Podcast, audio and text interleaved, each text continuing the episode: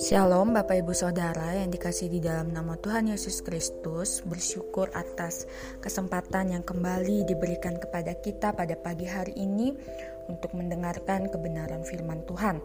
Sebelum kita mendengarkan kebenaran firman Tuhan pada pagi hari ini Bapak Ibu Mari kita bersatu di dalam doa. Kita berdoa Bapak yang baik, terima kasih atas kasih setiamu dalam setiap kehidupan kami hingga saat ini. Pada saat ini Tuhan, kami mengucap syukur atas kesempatan yang kembali Engkau berikan kepada kami untuk kami mendengarkan kebenaran firman-Mu dan sama-sama belajar melalui kebenaran firman-Mu. Pada uh, pagi hari ini Tuhan, Engkau yang menolong kami untuk memahaminya dan memampukan kami untuk melakukannya dalam kehidupan kami. Di dalam nama Yesus kami berdoa dan mengucap syukur haleluya.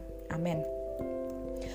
Pada hari ini Bapak Ibu, kita kembali akan merenungkan bersama-sama kebenaran firman Tuhan yang terambil dalam Ezra pasalnya yang ketiga. Nah, Ezra pasal 3 ini Bapak Ibu terbagi menjadi dua perikop. Perikop yang pertama diberi judul pembangunan mesbah. Kemudian jika kita melihat pada perikop yang kedua, LAI memberikan judul pada yaitu peletakan dasar bait suci. Nah, dari perikop yang pertama, Bapak Ibu, kita sama-sama melihat bagaimana bangsa Israel sudah tiba di negeri yang dijanjikan dan orang-orang Yahudi mengadakan persediaan untuk persembahan kurban.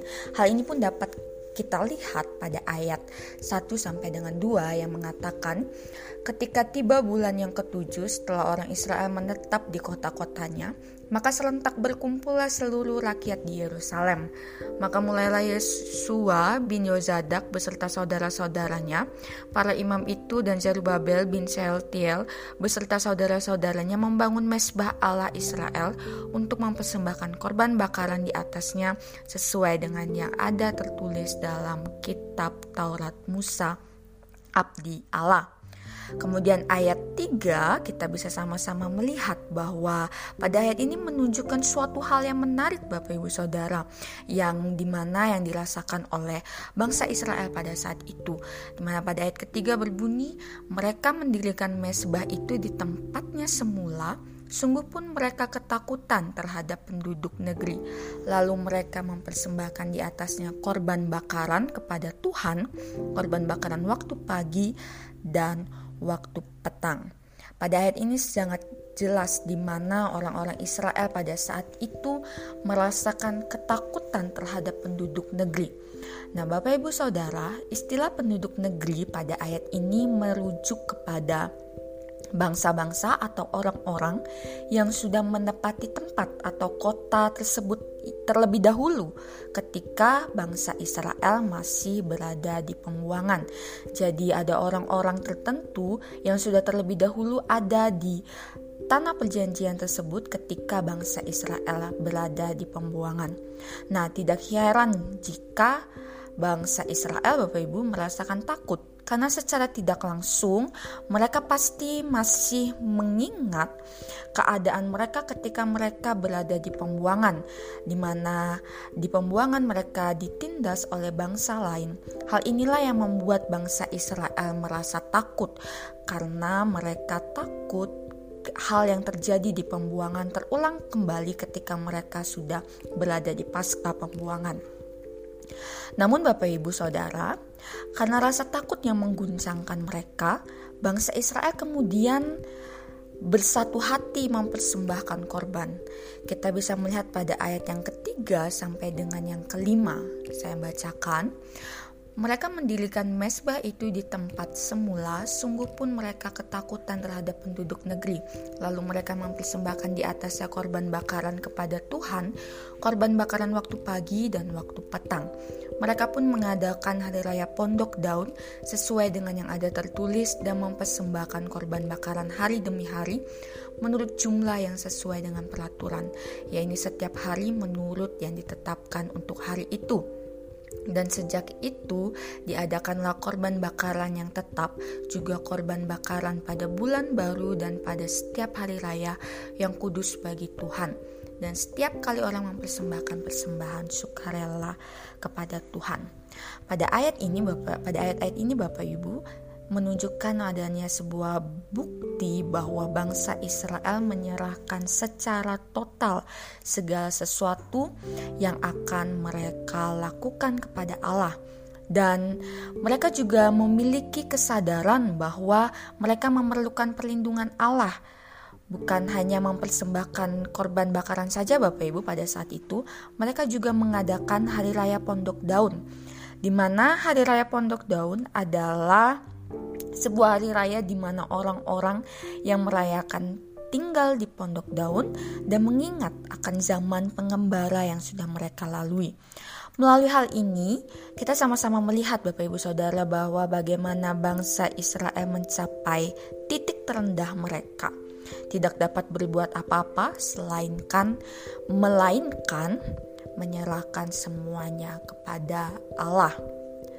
Dan Bapak Ibu Saudara, kita sama-sama bisa melihat pada ayat 7 bagaimana kemudian bangsa Israel mengambil tindakan untuk memulai membangun bait suci dengan memberikan uang kepada tukang batu dan kayu dan sebagainya.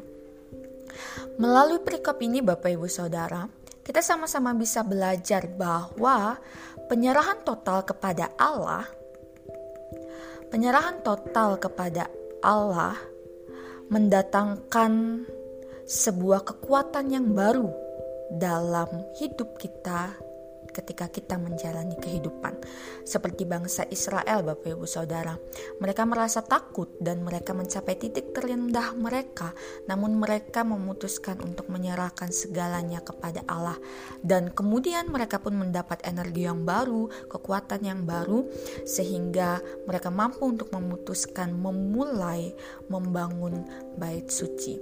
Nah, Bapak Ibu Saudara, jika mungkin saat ini ada di antara kita berada di dalam titik terendah ataupun kita mengalami begitu banyak pergumulan yang permasalahan yang ada dalam kehidupan kita, mari kita menyerahkan semuanya. Menyerahkan semuanya kepada Tuhan sebagai bukti kesadaran kita bahwa Allah lah yang akan melindungi kita, Allah lah yang akan memberikan kekuatan baru kepada kita sehingga kita mampu untuk terus menjalani kehidupan ini. Kemudian Bapak Ibu, mari kita sama-sama melihat dalam perikop kedua. Pada perikop ini menuliskan salah satu usaha dalam pembangunan kembali bait suci, kita bisa melihat pada ayat yang ke-8 sampai dengan 9 di mana orang-orang Israel membagi-bagi tugas dalam pelaksanaan pembangunan. Kemudian pada ayat 10 sampai dengan 11 adalah sebuah suasana dan kondisi peletakan dasar bait suci. Nah, Bapak Ibu Saudara, kita sama-sama melihat bahwa ada sebuah peristiwa unik yang tertulis dalam ayat 10 sampai dengan ay ayatnya yang ke 11 Bapak Ibu di mana kita akan bacakan bahwa pada waktu dasar bait suci Tuhan diletakkan oleh tukang-tukang bangunan, maka tampillah para imam dengan memakai pakaian jabatan dan membawa nafiri dan orang-orang Lewi Bani Asap dengan membawa ceracap untuk memuji-muji Tuhan menurut petunjuk Daud Raja Israel. Secara berbalas-balasan mereka menyanyikan bagi Tuhan nyanyian pujian dan syukuran dan syukur sebab ia baik bahwasannya untuk selama-lamanya kasih setianya kepada Israel. Dan seluruh umat bersorak-sorai dengan nyaring sambil memuji-muji Tuhan, oleh karena dasar rumah Tuhan telah diletakkan. Hal yang unik kita bisa melihat bahwa Bapak Ibu di mana orang Israel dimulai melalui para imam yang tampil dengan memakai pakaian jabatan dan membawa nafiri, kemudian seluruh bangsa Israel yang berganti-ganti yang bersorak-sorai memuji Tuhan, bahkan sampai ada yang menangis ketika melihat peristiwa peletakan dasar bait suci tersebut. Hal ini memiliki makna bahwa bangsa Israel, Bapak Ibu Saudara, menyadari bahwa Allah menepati janjinya kepada bangsa Israel.